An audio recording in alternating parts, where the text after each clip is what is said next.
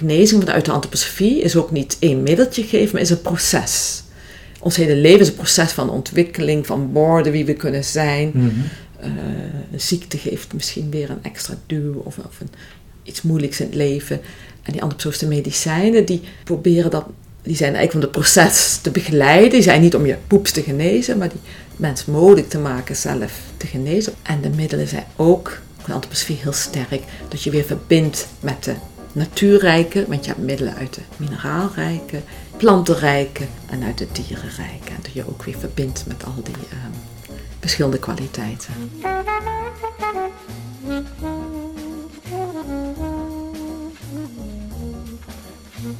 U luistert naar de Therapeut Podcast, een wekelijkse podcast waarin ik, Peter Voortman, openhartige gesprekken voer met therapeuten over hun professie, patiënten en zichzelf. Luister mee naar bijzondere, schrijnende en grappige verhalen uit de behandelkamer.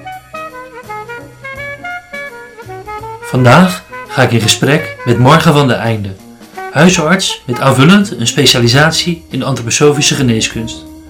Een enthousiast gesprek over antroposofische geneesmiddelen. In hoeverre verschilt het met homeopathische middelen en reguliere medicijnen? Hoe wordt het gemaakt en waar kan je het voor gebruiken?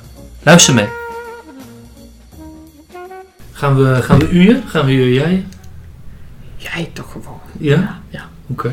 Nou, goedemiddag, dokter van der Einde. Ja, goedemiddag Peter. Goedemiddag. Ehm, wat, eh, wat maakt een antroposofisch geneesmiddel eigenlijk anders dan een homeopathisch middel? Ehm, er zijn drie verschillende. Als je kijkt, eerst heb je natuurlijk een, een allopathisch middel, is een middel met een fysieke stof. En die werken meestal tegen een ziekte, anti-epileptisch, antihypertensieve, antidiabetes. En die geven het lichaam niet zoveel vrijheid. Die vertellen het lichaam hoe die ziekte te behandelen. Dat is natuurlijk Mhm. heel fijn. De homeopathie komt eigenlijk van het, meer van, nog van de 19e eeuw. En die is gebaseerd op feminologie. Mhm. Waarbij de artsen heel goed keken. Haneman die zag eh, met kinine, dan zag hij als eh, mensen ziek werden van malaria, hadden ze bepaalde symptomen. En als je dan homeopathisch kinine, kinine gaf, eigenlijk bepaalde zelf symptomen als je het doet. En het idee daar was, en ze vonden ook uit als je dingen dan homeopathisch ehm verdunt. Dus betekent, je pakt een tiende, je doet het in wat water met alcohol, je schudt het. Dan pak je weer een tiende uit, doet er weer in water met alcohol. Is stap 1, ga je van D1 naar D2. Mhm. Dan schud je, ga je weer van D2 naar D3, pak je weer een tiende eruit. Dan kom je steeds verdunningen, tot de werking eigenlijk niet minder kan worden, maar meer kan worden of anders kan worden. Mhm. Dus de homeopaten hebben heel goed geobserveerd, hebben dit op gezonde mensen gedaan, die hebben die verdunningen gemaakt. Soms tot de D30, soms tot de 200, soms nog hoger. Mhm. Die hebben die verdunningen gemaakt en geobserveerd, geven we aan 100 gezonde medewerkers belladonna gepotentieerd. En de een krijgt wat rode wangen en de ander wat ogen en de ander krijgt misschien zo'n klachten. En hebben ze allemaal opgeschreven, een beeld gecreëerd hoe een belladonna plant wat voor het kan creëren. Mhm. Dus in verdunde, hoog gepotentieerde vorm. En als je dan iemand hebt, een ziek kind, die dan ogen heeft, die een beetje sperren, rode wangen heeft, koorts, dan kunnen we dus homeopathisch belladonna geven. Dus de homeopaten zijn heel eh, goed, ehm, ja, die observeerden fenomenen heel sterk. En die hebben dan, de ervaren homeopaat heeft dan een heel goed beeld van het geneesmiddel, van een pulsatilla beeld, of een belladonna beeld, of een goudbeeld. En dat is... ehm, En belladonna, dat, is een plantje. Belladonna is een plant, is een giftige Mm. plant, familie van de nachtschade, of van de aardappel. Dat is een hele eh, zwarte, giftige bessen. Dat ziet er heel aantrekkelijk uit.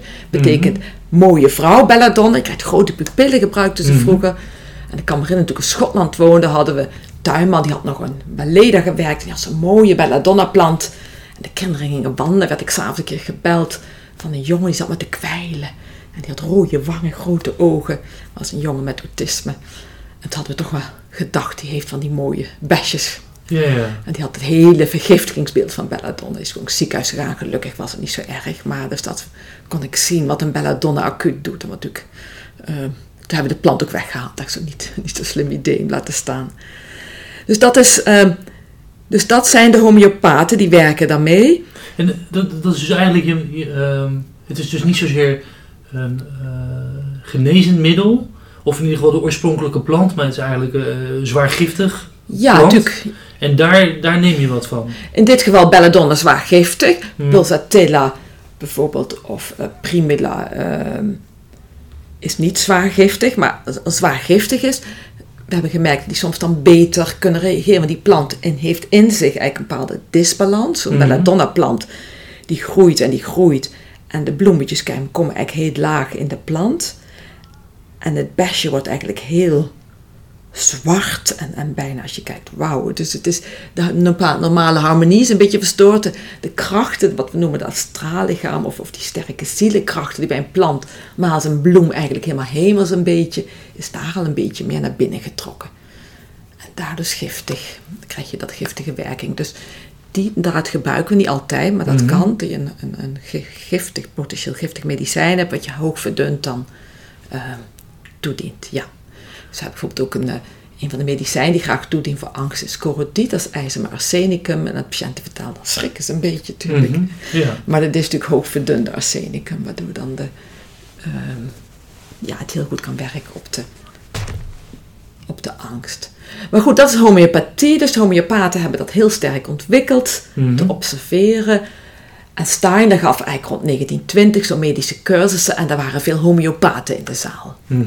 Maar hij natuurlijk vanuit de antroposofie had hij dat beeld van de drieledig mens. Eerder besproken misschien niet reeds dat de mens een stofwisseling heeft, ons ledematen en onze stofwisseling. Dat we in ons hoofd meer de kwaliteit hebben het observeren, de hersenen, de zintuigen, meer de rust is, stofwisseling, de beweging. En tot ons middengebied het hart. En als je ook naar de ribben kijkt en de wervelkolom, meer het ritmische gedeelte is. En tot de mens die gezond is, die drie in harmonie zijn. En de Steiner bracht dan die cursus voor, voor die artsen die homeopaat waren, die wilden antroposofische verwijdering van hebben. Mhm. En hij heeft dan, dan de beelden gebracht vanuit de antroposofie, hoe je dan antroposofisch kijkt naar een plant, dan de mens kan helpen te genezen. En die bijzondere is dus, um, een homeopaat bijvoorbeeld zal altijd maar één middel geven. In antroposofie kan je misschien, heeft Steiner bijvoorbeeld dooron gemaakt, medicijnen, maar juist je probeert een medicijn waarin één die verschillende aspecten aangesproken kunnen worden, het hoofd, het midden en het, en juist daardoor een heel bijzonder middel aan. Uh, Stein heeft heel veel farmaceutische processen geïntroduceerd. Dus heel, als je dan echt, uh, ja, dat is schitterend als je dat allemaal, hele processen. En ik denk als je genezing vanuit de antroposofie is ook niet één middeltje geven, maar is een proces. Ons hele leven is een proces van ontwikkeling, van worden wie we kunnen zijn. Mhm. Uh, een ziekte geeft misschien weer een extra duw of, of een, iets moeilijks in het leven. En die antroposofische medicijnen, die proberen dat, die zijn eigenlijk om het proces te begeleiden. Die zijn niet om je poeps te genezen, maar die mens mogelijk te maken zelf te genezen, het proces Mhm. te begeleiden. En de middelen zijn ook, de antroposofie heel sterk, dat je weer verbindt met de natuurrijke, want je hebt middelen uit de mineraalrijke, je hebt middelen uit de um, plantenrijke en uit de dierenrijke. En dat je ook weer verbindt met al die um, verschillende kwaliteiten. Misschien wel, uh, wat, wat is je visie op, uh, op ziek zijn? Wat, wat, wat voor functie heeft, uh, heeft het om ziek te zijn? Ja, we willen natuurlijk allemaal niet ziek zijn. Ja. En zeker geen pijn hebben. En, um, en toch zie je als we ons leven kijken dat ziek zijn toch vraagt om een ontwikkeling, een innerlijke stap te maken. En bijvoorbeeld wat, je, wat ik hier zie, dat heb je van jonge mensen die dan een burn-out krijgen op relatief jonge leeftijd. Nou, Mhm. dat is natuurlijk geen fysieke ziekte, maar ze zijn echt op. Ze zijn totaal leeg.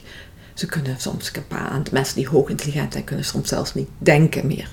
Hele simpele sommetjes. En dat betekent dat ze geleefd, en als je dan vraagt hoe ze geleefd hebben, Mhm. hoog hebben ze 14 uur per dag gewerkt, opleiding alleen maar gedaan. Ze zijn alleen maar hoofdmens geworden. Alleen maar, misschien hebben ze nog wel een relatie erbij gehad en er wat leuke dingen wel eens gedaan, maar het werk, zeker als mensen sommige heel hoog eisende maatschappij geweest zijn, of uh, bijvoorbeeld in, in, in, in Zuidas, of even in nieuwe ontwikkelingen van die, van die start-ups, dan, dan zijn ze alleen maar hoofd geworden en op een gegeven moment kan dat niet meer. En dan kan je zeggen, het is ziek geworden zijn als ze maar zo door kunnen leven. Maar je kan ook zeggen, god, dit is niet des mensen om jezelf als een computer te gaan gebruiken. En deze mensen moeten dus leren helemaal weer anders te gaan leven eigenlijk. Misschien de burn-out bij de mensen die wat ouder zijn, is het meer vaak. Dan is het ook, kan het overwerk zijn, maar het kan ook zijn dat er ook emotionele problemen bij spelen, levensfaseproblemen rond de menopauze van vrouwen bijvoorbeeld.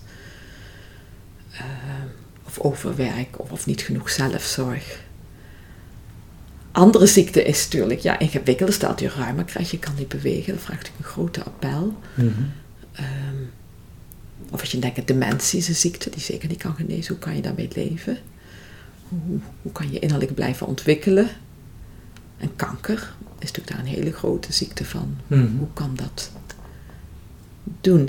Ik vind het verbazendwekkend dat bijvoorbeeld heel veel kankerpatiënten die komen, die, die gaan een transformatieproces door. op een of andere manier, als die in mijn praktijk gekomen zijn, en mijn spreekuur, maken, ze me niet moe die mensen, meestal, misschien komen ze ook bij ons, dus zijn dan ben ik actief bezig. Ze gedragen zich toch niet als, misschien begin wel, zijn overweldigd, maar merk je toch, ze dragen zich niet als slachtoffer, maar ze zijn toch innerlijk met een lot bezig. En de hoop is dat ik zelf zal kunnen, maar de hopen ook mensen, wat zo'n ziekte je ook hebt, dat je zelf hier aan kan blijven, dat je zelf als mens je ontwikkeling door kan gaan. Dat je, je blijft leven, misschien op een andere manier. En, en antroposofische geneesmiddelen die uh, genezen dus eigenlijk niet, maar begeleiden bij dat proces. Nou, die faciliteren genezing wel. zijn ook middelen die het zeker proberen te genezen, bijvoorbeeld een acute ziekte.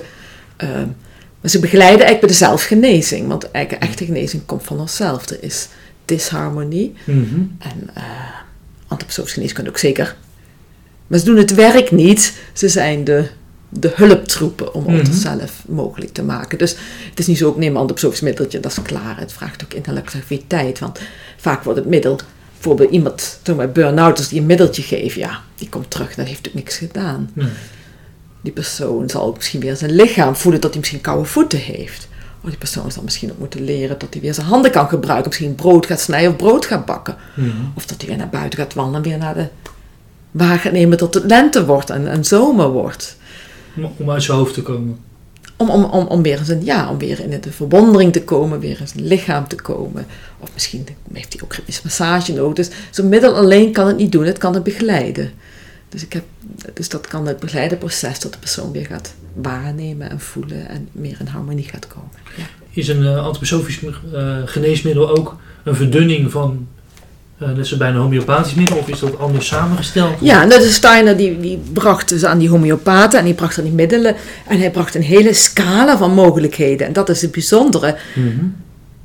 Dat transformatieproces, wat gebeuren zit het ook in deze medicijnen. Er is een transformatie. En dat is bijna een uh, magische transformatie. Bijvoorbeeld uh, Bioderon ken je misschien wel? Koop je dat hier? Ik, ik heb er wel van gehoord, ja, wat de exacte werking is. Nou, dat heb ik heel veel voorgeschreven, mensen heel veel zelfzorg gebruikt, dat is voor hoofdpijn. Dus in plaats van paracetamol kan je bioderon nemen. En dat mm. helpt. En ik heb mensen het veel gebruikt. Je kan het als zelfzorgmedicijn nemen. En het is hier... Uh, vroeger hadden we sterke, maar mochten niet meer. Maar het is een, nul, um, beschikbaar als 0,1%. Die kan je elke dag nemen als, als voorboeding voor migraine. Of je kan het gedurende een aanval nemen met twee tabletten. Misschien elke uur. En er zit eigenlijk een heel mooi balans in.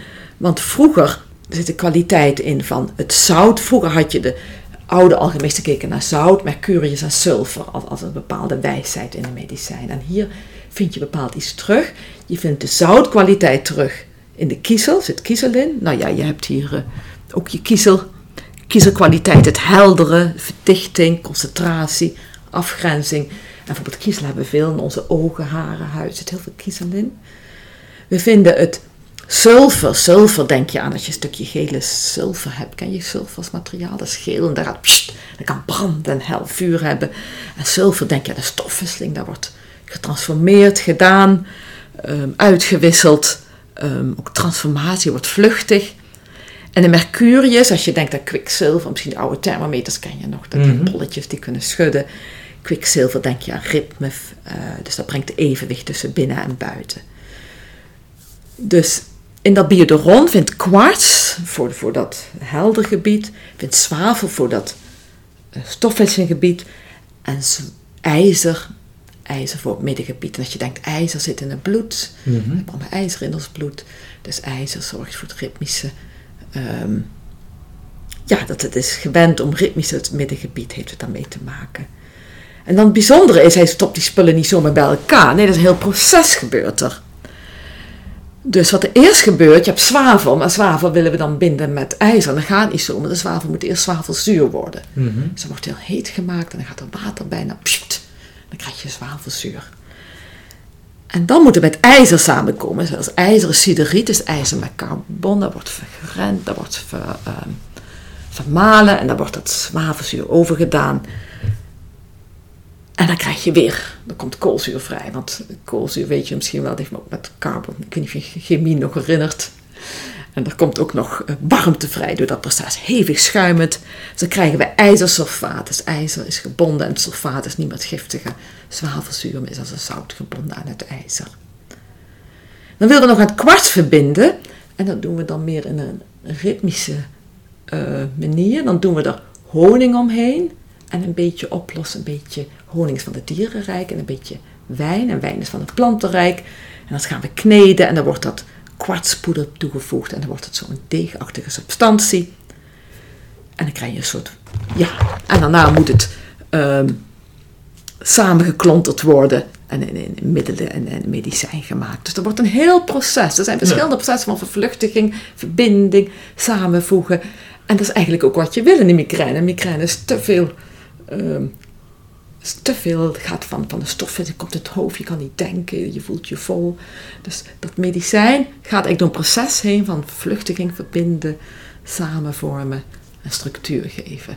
Dus het is niet zomaar een stofje wat je geeft. Nee, het Je geeft een heel ja, proces. Het is niet een paar kruidenblaadjes en Nee. je zegt van eh, dit is het. Ja, en, en daar zit een Ja. heel bijzondere werking ook in. En Mhm. het leuke is, als antroposofische artsen, is een heel actieve werkgroep. Plantago hebben we. Die geeft elke maand, het hele jaar door, doen we dan ehm, studiedagen. En in die studiedagen gaan we ook al die procesjes zien. Dus er wordt een heel dag een biodoron gewijd. En dan wordt ook die proeven gezien. En dan wordt er met ijzer gewerkt misschien en met kwarts. Dus, dus als antroposofisch arts is het niet zomaar alleen maar een voorschriftje doen Mhm. het zijn echt vrienden, die medicijnen. Dus om het echt goed te laten werken, als ik het voorschrijf, is het belangrijk dat ik een connectie heb. Dat ik eigenlijk tegen de patiënt zeg, kijk, hier is een vriend van me. Ja. Die kan je geven. Ik geef je dit proces en ik, ik, ik, ik kan zien hoe bij jou het proces gaat. En ik zie hoe het proces in de medicijn gaat. En ik weet dat dit proces jou kan helpen daarin. En, is het van belang ook om dat proces uit te leggen? Of, ehm, Nou, eigenlijk doen we, ik kan het doen, eigenlijk doen we het niet zoveel, zou kunnen. Meestal Mhm. doen we het niet, maar je kan soms iets van je verwondering laten merken. Bijvoorbeeld, ik zal straks een ander medicijn doen, leg ik het meestal wel uit. Maar ehm, ja, en ik realiseer me ook als arts, dus als antroposofisch arts is het belangrijk dus die levende verhouding met je medicijnen te hebben. Het, moeten niet, het kunnen niet zoals wij natuurlijk gewone artsen. Soms weten we niet eens hoe meer metformine gemaakt wordt en al die mooie medicijntjes zijn namen voor ons. Maar als antroposofisch arts is het toch belangrijk. En dat werken we ook aan. Levende verhouding. Daarvoor hier is een boek, een heel mooi boek. Met levende beschrijving van elke plant en hoe het medicijn gemaakt wordt. En, en dat geeft ook vreugde dan. Dus op het moment Ja. dat ik die vreugde heb voor het medicijn, kan ik dat overbrengen aan die patiënt. En, en, En is het ook ehm, bij, eh, bij medicijnen en dergelijke, die moeten allemaal getest worden. En wo- worden dit soort middelen ook eh, getest? Nou, er zijn twee soorten testen natuurlijk. De, ehm, de eerste test is, er worden veel gemaakt natuurlijk. De kwaliteit van de planten, de kwaliteit van de medicijnen. Er zijn hele sterke, strenge farmaceutische principes die opgeschreven staan. Dat wordt getest natuurlijk op zuiverheid. Er alleen maar biologisch dynamische producten gebruikt. Mhm. Dus dat soort testen gebeurt zeker. Dan heb je natuurlijk het testen op het meer eh grote niveau van eh, die double-blind controlled trials, waar we Ja. dan eh 100 mensen iets geven en 100 mensen weten niet wat ze krijgen en kijken of het doet. Nou, misschien kan je bij beschrijving begrijpen dat voor antroposofische middelen is dat moeilijk om dat te doen, omdat dat de persoonlijke verbinding met de patiënt. Ja, En dus als bijvoorbeeld, eh, las ik bijvoorbeeld net, toen ik dit voorbereid had, ik net na te lezen, was er ook wel een... En dat er vaak ook als antroposofische arts, misschien zou ik niet alleen, zou ik ook graag misschien ritmische massage erbij geven. Misschien ook ergens Mhm. gespannen zit in de nek. Want die migraine is natuurlijk niet los daarvan. Er zit natuurlijk meer in die patiënt, heeft misschien stress, misschien wil ik wat gesprekken hebben. En er was een, net las ik een onderzoek waar dan het hele pakket meer Mhm. ehm, bekeken waar, ze, waar, patiënt, waar artsen dan de patiënten mee lieten doen van, van, en waar ze dan. En dat gaf duidelijk hele goede resultaat, blijvend resultaat voor de patiënten. Ehm, een kwaliteit van leven en minder migraine. Maar dus, dus medicijn is niet zo geschikt en dat is het probleem. Mhm. En ten tweede ook zijn de meeste artsen die doen zijn werken zijn werkers. Mhm. Pas nu eigenlijk is de academische kant van antroposofische medicaties meer ontwikkeld. Bijvoorbeeld in Leiden leerstoel en ook in, toen ik in Berlijn was, Haffenheu, een groot ziekenhuis bij Berlijn, zijn er ook meer antroposofische specialisten die ook dan professor worden, zodat ze een leerstoel Mhm. hebben om te kunnen dat. En de onderzoeken zijn ze ook mee bezig en het grote geld zit er niet zo in. En zelfs zo natuurlijk dat ook tegenwerking, effectieve tegenwerking. Ja. Maar wij wilden bijvoorbeeld een leerstoel in Aberdeen in Schotland opwikkelen. En daar werd toen heel erg geprotesteerd. Dat was toch onzin. En je mocht dus niet onderzoek ernaar doen. En dan kom je natuurlijk in een hele moeilijke situatie te zeggen van het werkt niet. Toon onderzoek. Toon onderzoek. Mhm. En als je het onderzoek wil doen, dan zeggen ze dat mag niet, want het werkt toch niet. Ja. En als interessante hoorde verhaal een keer was ook op ehm, de World Health Organisatie tot op Europees niveau, tot de farmaceuten zeiden tegen, dat was een gezondheidsdeel van de eh, European Unie, als we nou alle homeopathie verbieden, dan komen er meer banen voor de, voor de farmaceutische industrie. Dus op verschillende niveaus Mhm. wordt er ook actief, politiek niveau, wordt er, wordt er actief tegengewerkt om Ja. ook zelfs onderzoek te doen en zijn er niet te groot. Dus het is het, er zit heel veel achter meer om dat te doen. Maar er wordt aan gewerkt, er is onderzoek, maar dus niet. ehm, En welke, welke resultaten zie je zelf? eh, in, in- Nou, bijvoorbeeld de Bioderon, eh mijn familie gebruikt dat werkt gewoon. Ja, bijvoorbeeld eh, mijn man gebruikt dat veel iets voor. Dat met, ja, dat werkt, dat werkt goed. Eh, kan, kan het ook bijwerkingen hebben? Ehm, de meeste middelen niet. Als een middel een potentieel bijwerking heeft, bijvoorbeeld Hmm. Verwacht ik helemaal geen bijwerking.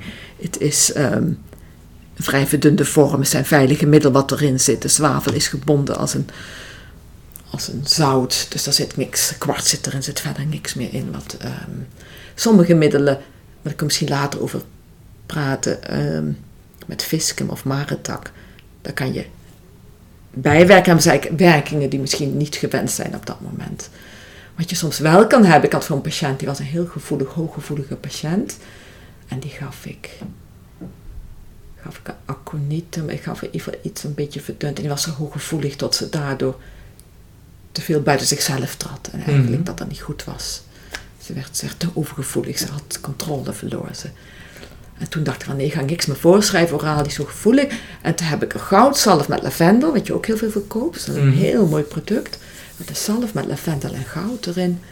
En heb ik dat op haar hart laten smeren. En zij had nog nooit iets moois gedaan. Dat was genoeg voor die dame om weer helemaal, helemaal bij zichzelf te komen. En dat was heel... ehm, ja, dus bij haar werkte dat heel goed. Ja. Dus je moet altijd arts observeren. Wat doet het? Doet het wat? Mhm. Werkt het misschien averechts? Misschien niet? Het kan. En, ehm, kijk, er zit een, eh, het is sterk fenomenologisch of metaforisch wat erbij beschreven wordt, hoe beeldend. Hoe, Het is eh, beelden, maar het is niet alleen fenomenologisch, maar het gaat ook erg uit. Bijvoorbeeld, als wij dan zo'n studiedag hebben, gaan we ook echt kijken wat voor.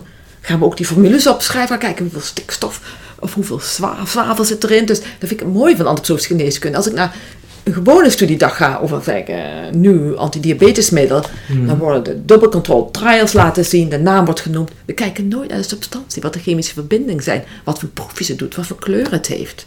Als ik naar een antroposofische studiedag ga, dan gaan we de, misschien proeven wel als het veilig is. We gaan kijken, we gaan de, we gaan, eh, de formules aan nadenken, we gaan Mhm. kijken hoe, wat voor structuur het vormt. Dus ik heb het gevoel, we gaan echt heel diep ook, we kijken naar alle verschillende stoffen in de plant. Dus we gaan niet alleen maar fenomenologisch kijken, wat is het beeld vanuit het Mhm. gevoel. We gaan echt eh, observeren hoe groeit de wortel. Groeit hij als een penwortel? Groeit de vertakt die juist snel? Hoe gaat het eerste jaar? Hoe gaat het tweede jaar? Mhm. Dus we gaan heel zorgvuldig tot in de fijnste... En, en eh, je beschrijft, eh, dat zijn geneesmiddelen die je neemt, en dat het goudzalf dat is uitwendig, dat, Ja. smeer je op, op je lijf. Ja, dat is ook Eh. iets... Ja. Want, want hoe, hoe, hoe, hoe werkt dat? Nou, we zijn natuurlijk als mens... Huid is een heel groot zintuigorgaan. Mhm. En antroposofische geneeskunde, we hebben heel veel uitwendige therapieën, wat hier natuurlijk ook gebruikt wordt bij de fysiotherapie.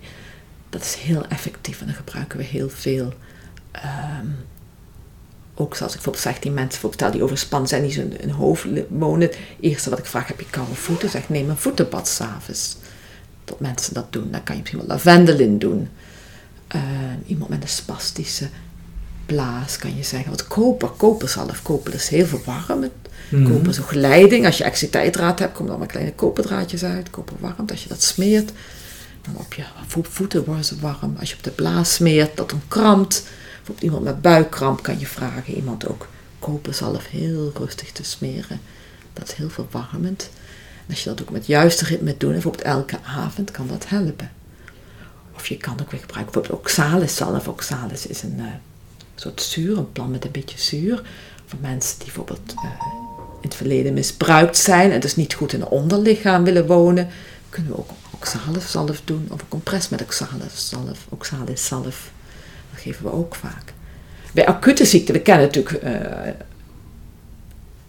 het borstcompress met kwark kan ook gegeven worden. Dat, met warmte, dat is in gewone medicijn ook bekend. Mm Dan kunnen we ook borstcompress met um, tijmolie geven. Of met kwark ook voor de longen. Uh, plantago bronchiaal balsem. Dat is ook een hele prettige combinatie. Mensen gebruiken natuurlijk fix, dat soort dingen. Dat lijkt dan op, dat kan je geven. Um, we maken ook salven van de metalen, van tin of Um, dat wordt ook gebruikt, kan ook mhm. heel goed gebruikt worden voor de artrose. Tin heeft een uh, vormende kwaliteit, dus kan je voor artrose op zalf. Dat er is ook onderzoek naar gedaan dat mensen dan tinzalf op de knieën kregen. Voor knieartrose het onderzoek gedaan tot het echt beter werd. Want, want hoe merk je dat je uh, mineraal of iets, iets mist? Uh, wat voor signaal geeft je lichaam dan af? Ja, nou dit is niet zozeer een mineraal wat je mist. Als je naar orthomoleculaire geneeskunde ja. zou gaan, die zou meten in mineralen. Mm -hmm. Hier is meer een proces wat je mist. Okay. Dus die artrose betekent de gewrichten verleden, een mooie ronding. De, het kraakbeen wordt een beetje los, heeft minder vorm. En in het geheel, als je aan, aan, aan tin denkt, als kwaliteit heeft dat het vormende tinkwaliteit in ons, hebben in ons hoofd met een mooie vorm, hebben in de kogelvorm van onze schoudergewricht, de kogelvorm van ons uh, heupgewricht en mm -hmm. gewricht. Dat is de tinkwaliteit eigenlijk. Dus de vormkracht van de mm -hmm. tin, kan je voorstellen, voor de geboorte heb je die krachten opgenomen. En dan ben je misschien heb je die niet genoeg of, of je hebt ze te veel gebruikt.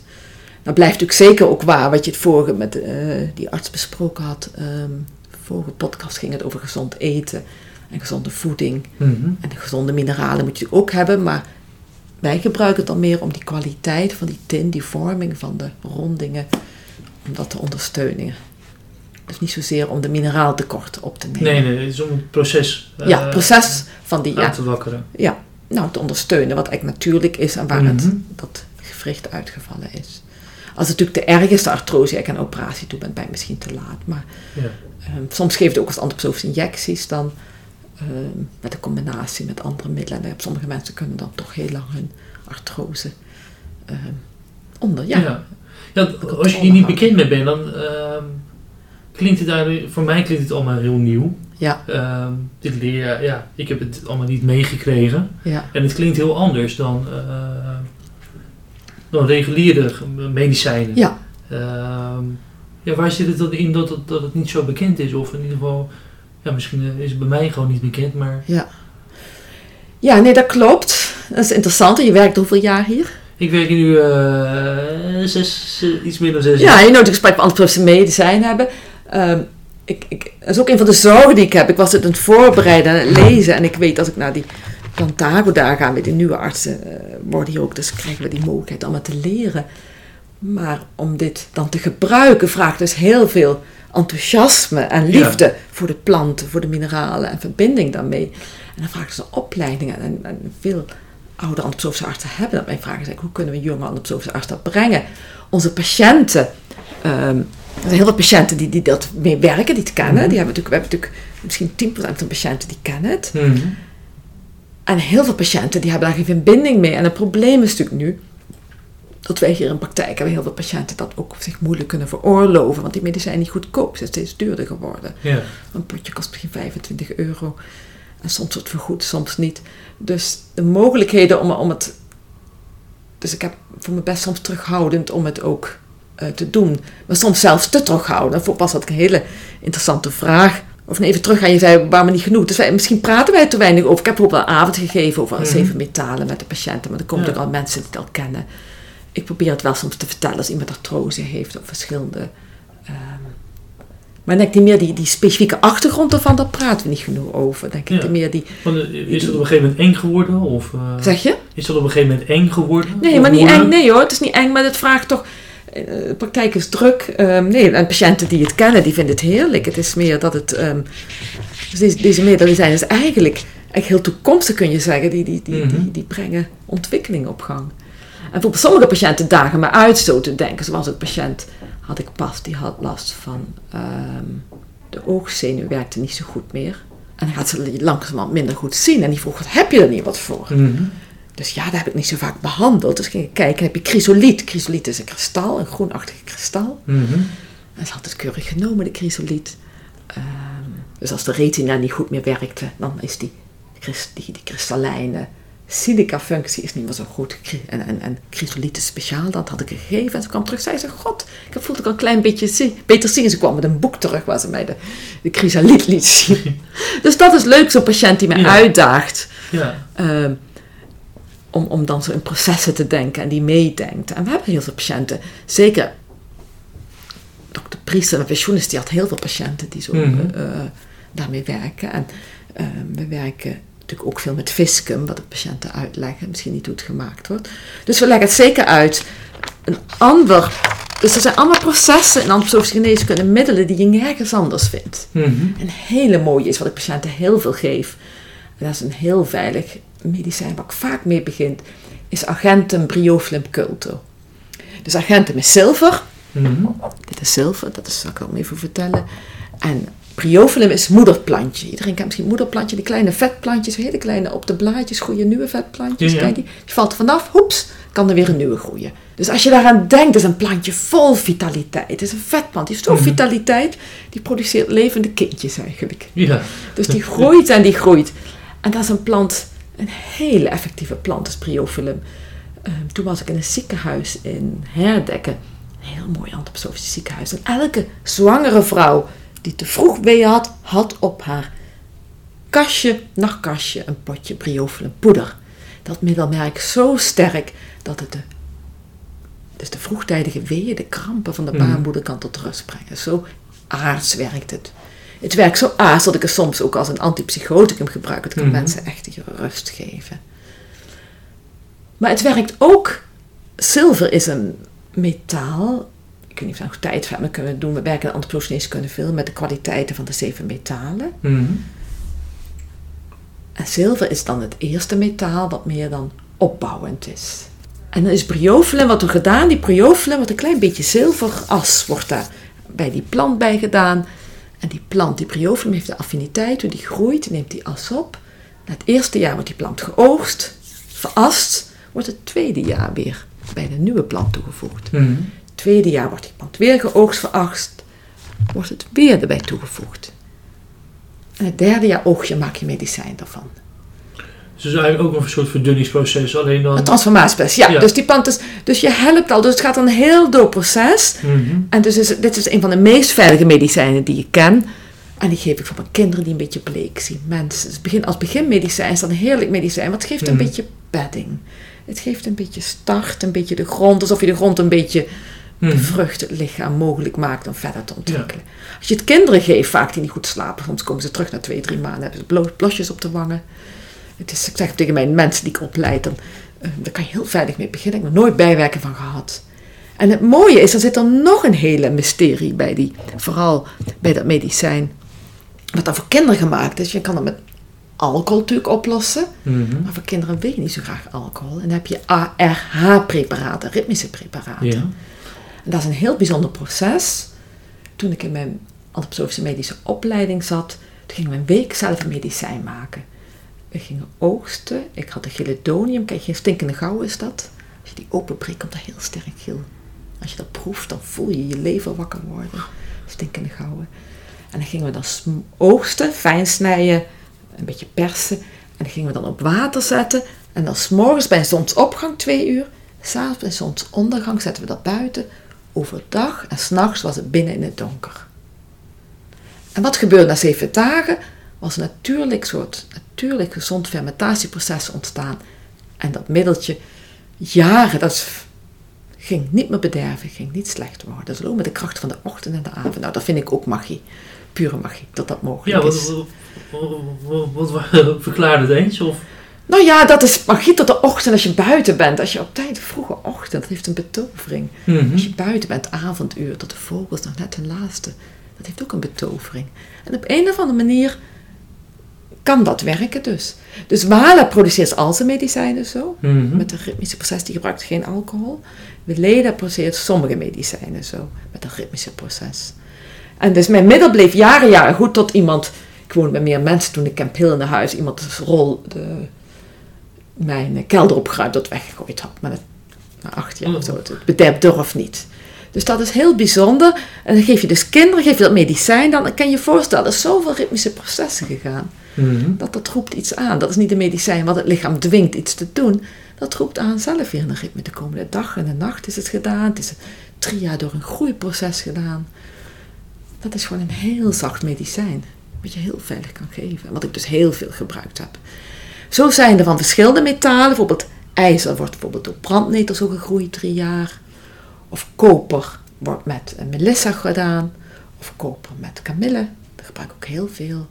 Ik heb het zelf gehad dat ik die, die koper met die melissa gebruikt heb. Nou, mijn als ik kramp had of pijn, dat gaat echt als sneeuw voor de zon weg. Dus ik heb mezelf ook soms medicijnen geprobeerd, heel goed werken.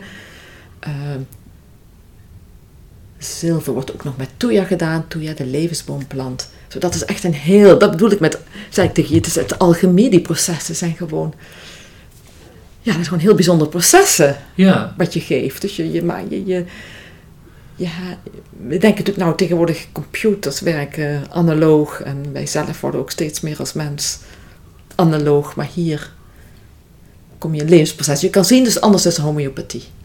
Je komt in, eh, ja, in processen terecht. En zijn er bepaalde eh, ziektes of aandoeningen waar nu medicijnen voor worden voorgeschreven waarvan je denkt, nou, dat kunnen we eigenlijk alle direct vervangen door dit antroposofisch middel? Nou, ik denk, ik was ook antroposofisch. Ik heb toen op een gegeven moment, toen ik, ehm 2013 ben ik maandlang antroposofische ziekenhuizen rondgegaan. En je kan heel veel. Ik denk dat we hier maar, wij maar heel weinig doen we echt kunnen. Maar Mhm. bijvoorbeeld in, in Duitsland doen ze heel intensief dan. Heel veel. Met subcutane injecties ook. Veel verschillende middelen. Intensief behandelen. We kunnen... Voor, voor psychosomatische ziekten hebben ze ook een, een ziekenhuisafdeling. Vaak Mhm. komen we niet verder mee. Dus we kunnen ja, best heel veel. Ook met de hartziekte of met reuma. Er was ook een arts die had alleen maar antroposofische benadering voor reuma. Ik zeg niet dat wij dat kunnen doen nou, maar die had heel intensief. En die had Mhm. ja, dat, dat, sommige mensen hadden ook wel succes daarbij. Ehm, maar hier werken we natuurlijk een ander systeem. Financieel hebben we meer beperkingen. Dus het is een beetje Ja. ook groeien met de Maar riemen die we hebben. Als die beperkingen niet zouden, zouden zijn. Nou, zo, en de mensen ook, of ze willen, want het vraagt Ja. een proces. Ja. Soms mensen willen, ehm, dan zouden we veel meer kunnen doen. En zeker samenhang met misschien meer ook bezig zijn met, die, met onze... We zijn hier al leeftijd, als Mhm. mm binnenkomt. Die praktijk, je ziet dan mensen sporten, dus het duidelijk hier, je komt hier niet om passief, passief te zijn, je komt hier actief te zijn. Mhm. Als we het element misschien van voeding en ritme nog meer kunnen doen, element van warmte verzorgen voor het fysieke lichaam. Eh misschien natuurlijk een heel consultatiebureau waar dat ook uitgedragen wordt. Dus er gebeurt al heel Mhm. veel. Maar met de medicijnen, of de antroposofische medicijnen, ehm, ja, dat is, daar kunnen we heel veel mee doen. Ik heb heel lang in Schotland gewerkt met kinderen met een verstandelijke handicap. En die kregen altijd antroposofische medicijnen van mij. En ik wist dat ik niet direct resultaat kan zien. Mhm. Die kinderen waren vrij gehandicapt. Ja, als, ik, als ze niet meer thuis konden wonen. Die waren misschien zwaar autistisch, weet ik wat. En ik gaf ze een delen ook met het vertrouwen dat ik hun daardoor in de ontwikkeling als mens zijn kan Mhm. steunen. En misschien wat ik nu doe, misschien ze toch meer de plasticiteit houden, waardoor ze kunnen blijven ontwikkelen. Net zoals mensen met een handicap, hebben sommigen deze zeven jaar over om iemand te leren weven. En na zeven jaar konden ze het opeens. En dat was belangrijk, want dat betekent opeens- opeens dat dat kon doen. Ja. Zo gaf ik ook de antroposofische medicijnen, die toch, toch in een proces blijven. En daaraan werkten we ook de zeven metalen. Mhm. Eh, we leven met de zeven dagen van de week. Mhm. Dus op zaterdag beginnen leven we natuurlijk met de kwaliteit van Saturnus, Saturday, Saturnus. De kwaliteit van lood, lood, you know, lood is aards. Kan giftig zijn als je te veel neemt. Dit is een stukje lood, is ook glanzend als het net gesmolten is. Uh, op zondag leef ik met de kwaliteit van de zon, van het goud. Op maandag leef de kwaliteit van de maan. En zilver hoort tot het maan. Op dinsdag, Tuesday, Mardi, leef de kwaliteit van de Mars. In het Frans hoor je nog Mardi is kwaliteit van het ijzer. Op dinsdag, woensdag, Mercuridi. Mercurius, het Frans. Op donderdag leeft de kwaliteit van het tin. Uh, in het Frans is dat Jundi, I think. Jundi. In ieder geval is, uh, donderdag Jupiter, de kwaliteit. Op vrijdag Ven ik denk het Frans, leeft de kwaliteit van Venus, vrijdag. Dan zijn we weer. En die zeven dagen van de ritme, daar leven we eigenlijk in. Dus elke dag mogen we een verschillende kwaliteit innemen. En die zeven metalen, die hebben affiniteit met die dagen. En bijvoorbeeld soms gaven die kinderen met autisme, die dan eigenlijk dus niet zo, die eigenlijk meer kosmische kinderen blijven, die niet zo hun thuis op aarde kunnen vinden, die overgevoelig blijven in huis, een aardse huis niet zo veilig is. Bijvoorbeeld elke dag een verschillend metaal bij die dag hoort, kon je bijvoorbeeld doen. In gepotentieerde vorm. Of misschien gaven we s'morgens zilver, gepotentieerd en smiddags goud en s'avonds lood om, om in die dag te komen. Lood trouwens geef je altijd maar kort duren, want lood is um, ook gepotentieerd. Lood is natuurlijk toch een beetje vormend. Wat, wat, heb je, uh, want waar, hoe, hoe, ligt die verbinding tussen de planeten en, uh, en die middelen? Ja, dat is natuurlijk een mooie vraag. Um, dat is eigenlijk van oudsher zijn die ook bekend. Maar als je ja, ik kan natuurlijk niet naar de zon gaan kijken of er veel goud te vinden is. Dat kan ik niet doen. Nee, nee, nee. Maar goed, als je als beeld ziet als goud, de stralende van het goud en de mhm. stralende van de zon. Het goud ook heeft speciaal verbinding met het hart ook. Je zegt iemand heeft een hart van goud. En dan kan je het misschien als beeld wel voelen. Um, Ja, dus dat heeft die kwaliteit ook. Mhm. ook je, uh, die planeten hebben ook een bepaalde types. Bijvoorbeeld de Saturn-types is dat lood, dat meer het ernstig iemand die een beetje ernstig is. En een denker is en die gaat. Dus je hebt bepaalde zielentypen. Dus dat, uh, ja, daar werken we mee. Als je, als je dus Mercurius kijkt, de Mercurius is een dag. Als je kijkt, probeert waar te nemen, woensdag is een dag dat vaak dingen een beetje bewegen meer. En dan hoort een kwikzilver past erbij. Ik, ik zie, dit is heel kort door de bocht wat ik nu beschrijf. Mm -hmm. Daar kan je natuurlijk meer vertellen. Maar het zijn toch de kwaliteiten. Maar het is allemaal heel erg meta metaforisch of heel erg beeldend over... Ja, ik breng natuurlijk beelden, maar het zit natuurlijk veel meer... Mm -hmm. um, het heeft natuurlijk ook met de, ja, de, de verschillende fases um, van ontwikkeling achter en de verschillende kwaliteiten. Ja. Maar ik zeg, het lijkt metaforisch, maar als ik zeg, in antroposofische geneeskunde gaan we die kwaliteiten van die metalen gaan we ook echt goed onderzoeken, ook een laboratorium. en ook stijgbeelden maken misschien, waarbij verdunning oplossen met koper, waardoor we vorming krijgen. Dus niet zo dat we alleen maar in mooie hemelse metaforen zitten. We gaan, we, gaan uh, bijvoorbeeld uh, degene die die werkgroep doen, die gaan ook echt naar de mijnen toe om te kijken waar de stenen vandaan komen, hoe ze groeien. Dus het is, dat vind ik juist het boeiend van antroposofie, dat we niet een beetje uh, zwevend alleen maar over mooie dingen gaan praten. Mhm. We willen juist ook voelen, aanraken, onderzoeken, uh, tasten. Kijken bijvoorbeeld hoe het kopen verandert in het bloed van een zwangere vrouw of van een jong baby. Hoe het uh, kopen bijvoorbeeld echt een, een, toch een, als je denkt vrouw komt van Venus, ouderwets, toch een dragende kwaliteit. Dat je kan zien tot het kopen ook stijgen bij een vrouw als ze zwanger is. Ja, wat, wat, wat, wat, wat gebeurt er als je kopen bij een zwangere vrouw in het bloed? Nou, het koper wordt hoger, dus bij zwangere vrouwen. Het koper stijgt. Het koper stijgt? Ja, dat moet. Dus in antroposofische geneeskunde gaan we ook zo precies kijken. Gaan we niet alleen maar... Uh, we kijken het ijzer wanneer het hoog is. We weten dat ijzer iets hoger is bij mannen dan bij vrouwen. Dat weten we ook. En wat doet hoge ijzer bij, bij Nou, een man die weet, heb je meer, heb je meer rode bloedlichaam. Heb je meer... Uh, je weet het met sport, mannen en vrouwen apart gehouden. Dus heb je meer vermogen om sneller te gaan. Meer zuurstofopname. Mm -hmm.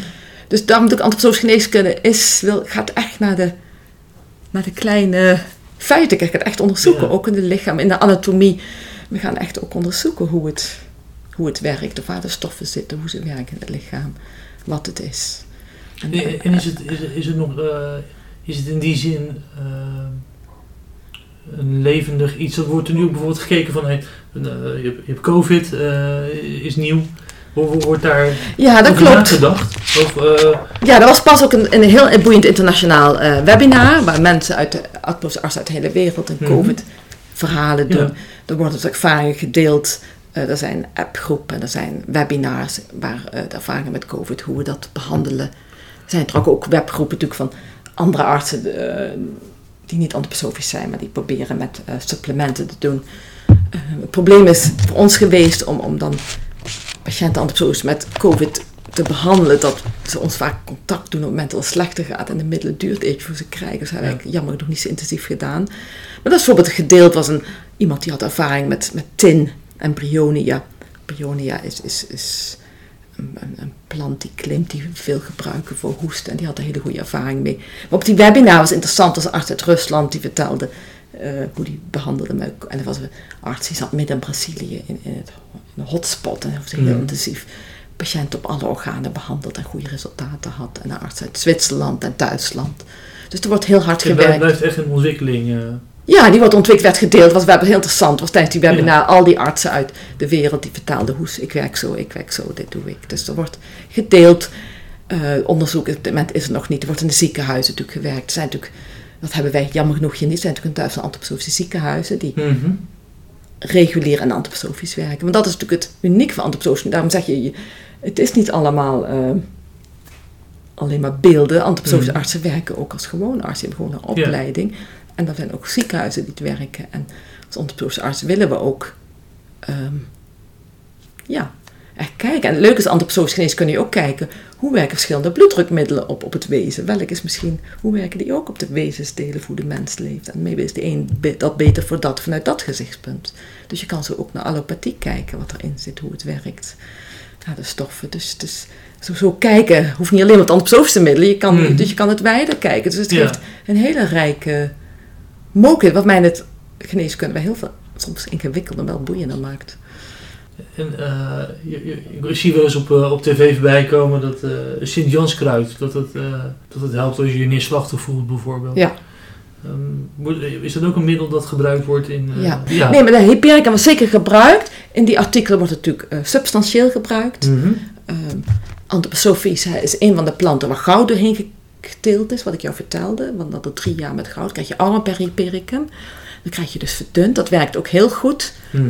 Het voordeel is, dan heb je dus niet de interacties. Als je eh hypericum heeft heel veel interacties met heel veel medicijnen. Op bepaalde enzymen werkt, waardoor andere medicijnen versneld afgebroken kunnen worden. Bijvoorbeeld de pil Ja. en andere medicijnen. Zoals hypericum als tablet moet je voorzichtig zijn. Omdat het maar, als je het antroposofisch doet voor dat proces wat ik zei, doe je goudas bij de, bij de hypericum doet, dan is het zo verdund en zo subtiel, dan mag je dat ehm, dus gebruiken. En dat gebruiken we heel veel, met heel groot succes voor ehm, depressies. Ja, ja. voor, eh, ja, voor welbevinden mensen wat stralende laten voelen. En dat eh, is weer een heel zachte vorm dan om goud. Want is het ook iets wat, wat, wat, wat, wat het, eh, de, het eigen vermogen om, om weer...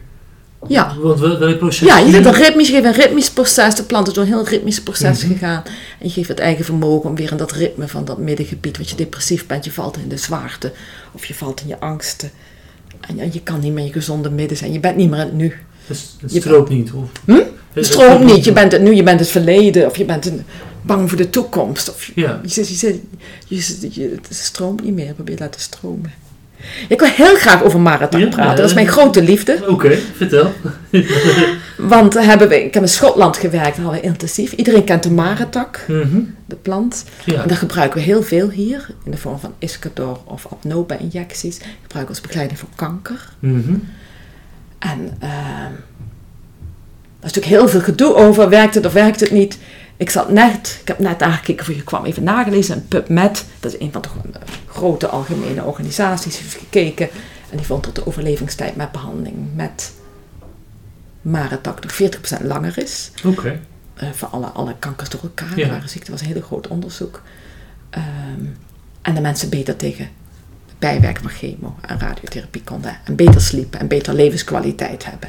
Het, je zegt, je, het wordt gebruikt bij de begeleiding van Ja. voor mensen met, met kanker. Ja, dat klopt. Wij, dus duidelijk begeleiding is geen vervanging. We zijn Mhm. heel duidelijk. Mensen kanker die zijn op behandeling van oncoloog. Dat is goed, dat is belangrijk. Ja. Ehm, of radiotherapie chemotherapie als neurochirurgie. Maar dit middel is ook een alchemische plant, kan je zeggen. Het groeit namelijk op een boom. Het heeft Hmm. zelf geen wortels. Het is ook vogellijm genoemd. Vogels eten de besjes en dat kleeft aan de bek. En dat komt op een tak terecht. En dat is een klein, heel slijmerig plantje. En dat gaat groeien in de tak. En gaat zo op zijn boom. En je hebt het misschien wel gezien. In de Mhm. winter kan je het zien, die bollen. Ja. Nooit gezien? Ja, en vooral in, in Limburg zo kan je het veel zien. Er kan verschillende bomen groeien, maar appelboom of op een eh, ja, perenboom, verschillende bomen. En het is een aparte plant, een hele oude plant eigenlijk, die geen eigen wortelstelsel heeft. Hij bloeit, de vruchten zijn rijp in de winter. En in de zomer is het niet zo. Het, hele ritme, we hebben over ritmes gesproken, draait hij dus om een beetje. Het is geen aarde, hij blijft groen het hele jaar door. En het is ook een krachtige, best vitale plant. En dan wordt mistletoe heel speciaal gemaakt. Ze wordt geoogst in de zomer, de mistletoe. Ehm, eens even die blaadjes nakijken of het was. In de zomer wordt het gemaakt. In de zomer wordt het geoogst, worden de bladen en de takken wordt het fijn gemalen en wordt het sap eruit gehaald. Ehm, even kijken dat ik het goed zeg. En de zomer heeft een lectine. En lectine zit aan de, in het centrum en dat verstoort de groei van de kankercellen. En de winter wordt het ook geoogst en dan zijn de bessen, die witte bessen zijn er. Je hebt misschien misschien ooit gezien met kerstmis, toch met die mooie strenge vertakking, die witte besjes erin. De winter wordt het ook geoogst en zit er meer viscotoxines in en zit meer aan de buitenkant. Die viscotoxine is, dat is, werkt ook tegen ehm, ja, op de kankercellen. Het aparte is, dat wist ik niet, viscotoxine heeft een eiwit. is een beetje verwant met het gif van een cobraslang. Oké, dus het is goed giftig. eh, Nou ja, nee, een beetje, je gebruikt me heel weinig, tuurlijk. Ja. Eh, maar bij de kwaliteit. Dus ja, het is ook toch, toch een bepaalde. Er zitten natuurlijk veel meer stoffen in. Zo die viscotoxines en die lectines, die moeten natuurlijk samenkomen. Mhm. Dus in de winter worden de bessen geoogst. Dan wordt het ook geperst. En ze, ze persen dan, dan wordt het, eh, het mag niet op de grond vallen als je het oogst. Want dan, eh, ja, dat hoort niet. Het is een kosmische plant, die moet Mhm. kosmisch blijven. Eh, het wordt uitgeperst en die bessen worden apart gehaald, uitgeperst. En dan heb je een fles zomersap en een fles wintersap. En dat moet dan heel speciaal gemengd worden. Heeft Steiner uitgebreid over gesproken. Het moet een heel speciaal machine worden. De ronddraaimachine is 10.000 keer per minuut. Wordt het zomersap gedrupt in het wintersap, zodat het vermengd wordt op een bepaalde manier. Weer, dat is een heel bijzonder proces. Dat mag niet zomaar gedaan worden. En dan krijg je dus die marentak. En daar hebben we heel veel ervaring mee. En dat is gewoon een heerlijk medicijn voor mensen. Want mensen voelen zich beter. En toen ik... ehm, je kunt het dus drie vormen doen. Mhm. Het komt in ampullen, wordt gestiliseerd in ampullen en het was als injecties gegeven. Mensen zeggen, ja, maar ik kan Maratak ook drinken, maar dan gaat het door de stofwisseling en dan heeft het toch niet dezelfde werking. En je kan voorstellen, dit hele fijne proces om die viscotoxine die lectine zo te maken en de andere stoffen die erin zitten, om dat speciaal te verbinden. Als je dat, ja, drinkt, dan, dan in dit geval werkt dat niet zo goed. Eh, je kan het op drie manieren eigenlijk gebruiken. Je kan het heel dun bij een homeopathisch gebruiken. Dat doen we soms mensen die misschien ook soms eh, heel kwetsbaar zijn met een kanker.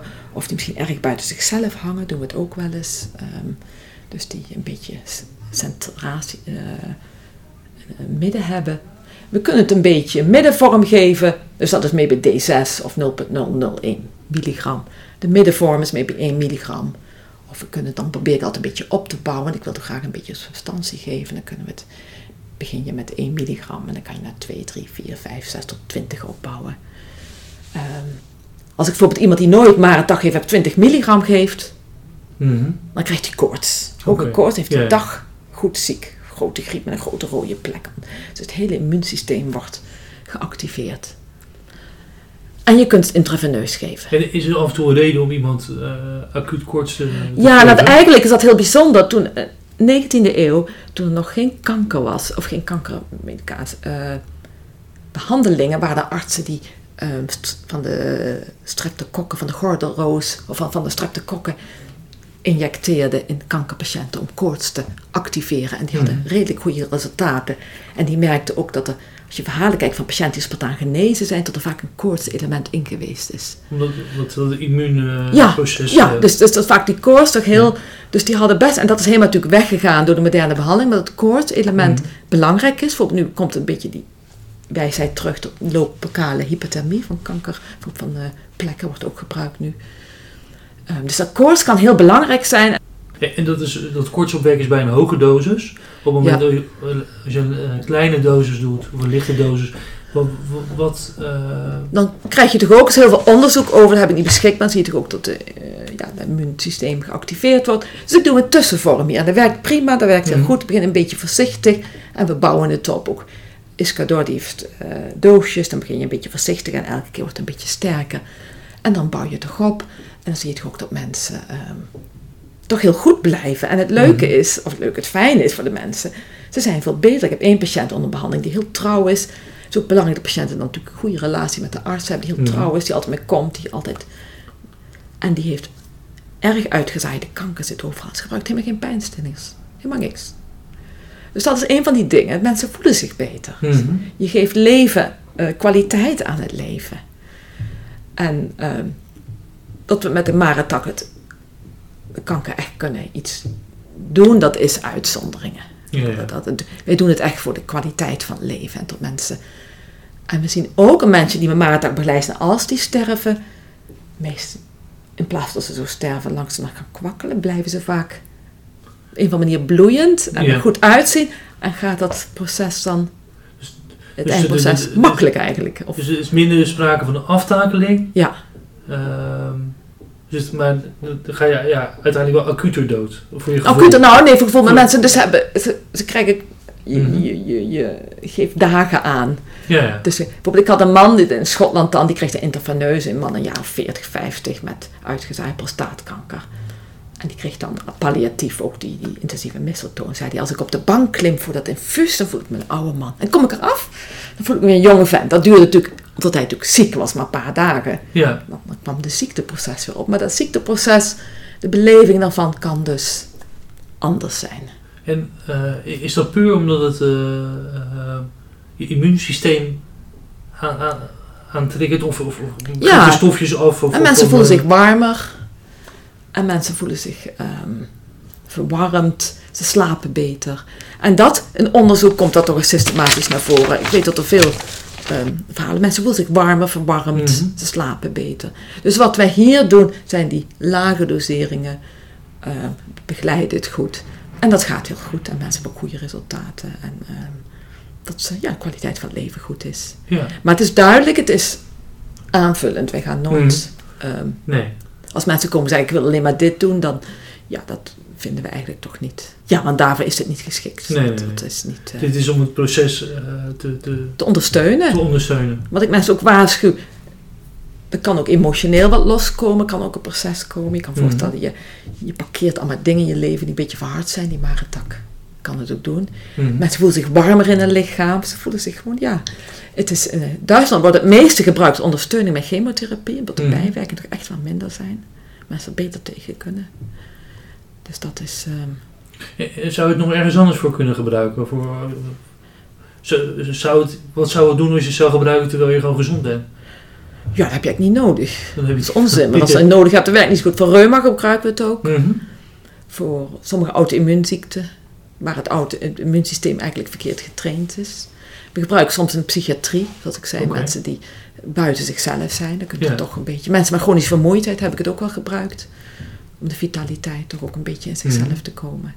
Dus we gebruiken dus dat soort dingen. Alles waar je... Maar dan gebruiken natuurlijk een heel andere dosis. Niet sterke dosis, meer hoog verdund. Want is het eh, voor, voor andere reden eh helpzaam als je iemand koorts geeft? Ja, dan... eh, nu wel niet vroeger, toen we hier jullie een bad hadden in het oude gebouw, kon je Hm. koortsbaden geven. Mhm. eh, waarbij je dan toch even alles stimuleert. In de antroposofische ziekenhuizen hebben ze een soort reuze couveuses gemaakt waar ze mensen hypothermiebaden geven.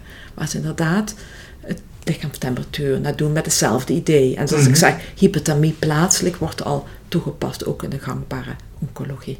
Dat is dan om, om, om bacteriën uit te drijven? Nou ja, toch eh, het, activeren. Maar je kan voorstellen, kanker betekent wij, wij produceren eigenlijk de hele dag cellen die een beetje buiten ons vallen. Maar kankercellen, dan gaat zijn eigen weg een beetje. Het valt buiten ons, ons vermogen daar door te dringen.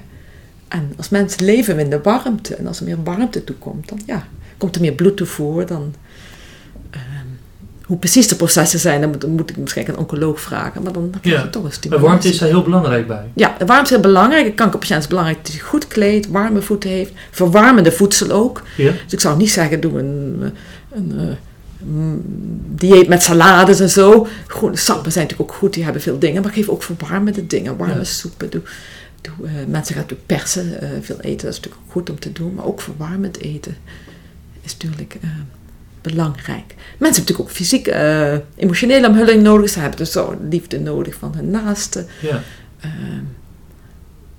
Dus ja, dus is de opbouw de, heb je nodig. Dus antroposofisch kunnen we heel veel ondersteunen.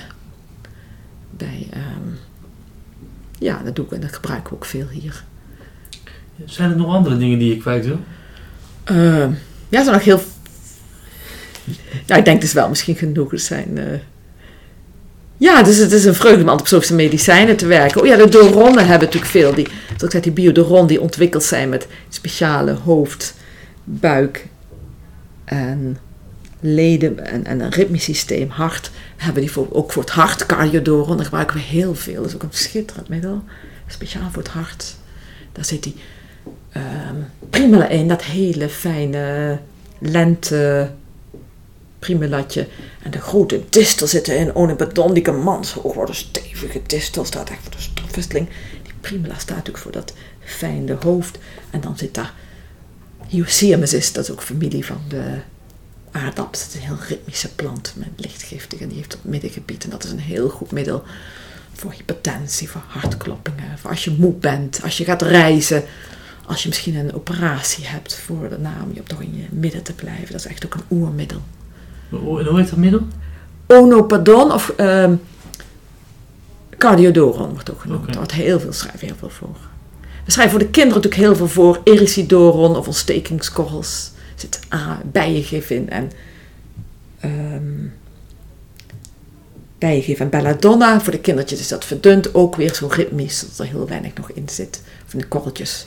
Dus er komt er niet zoveel in mee in. Dus dat kan je niet voor mensen met bijengifallergie. Maar dat wordt voor acute ontsteking heel veel. We hebben natuurlijk ook Nuimadoren, Aconiticum prionia voor acute longproblemen. Gebruiken we heel veel. We hebben natuurlijk Neurodoron. Voor mensen die zich gespannen voelden gebruiken we ook veel. Dus er zijn die doronnen. Zijn, doron betekent geschenk. Dat zijn een antroposofische geneeskunde. Dus die hebben allemaal dus die magische, Hm. toch die werking. Er zijn een hele groep van doron voor de, voor de hoest, voor de lever. Hepatodoron voor de lever gebruiken we heel veel. Dat is druivenblad. En blad van de bosaardbei. Gewoon vermengd, dus meer in dit geval is vermengd. Dus die zijn ook basismiddelen van ons. Dus we merken met die, met die doronnen veel, met de petalen veel, met de planten, de marentak. Dus ja, Mooi. een heel eh, scala. Dankjewel. Ja, dank jij.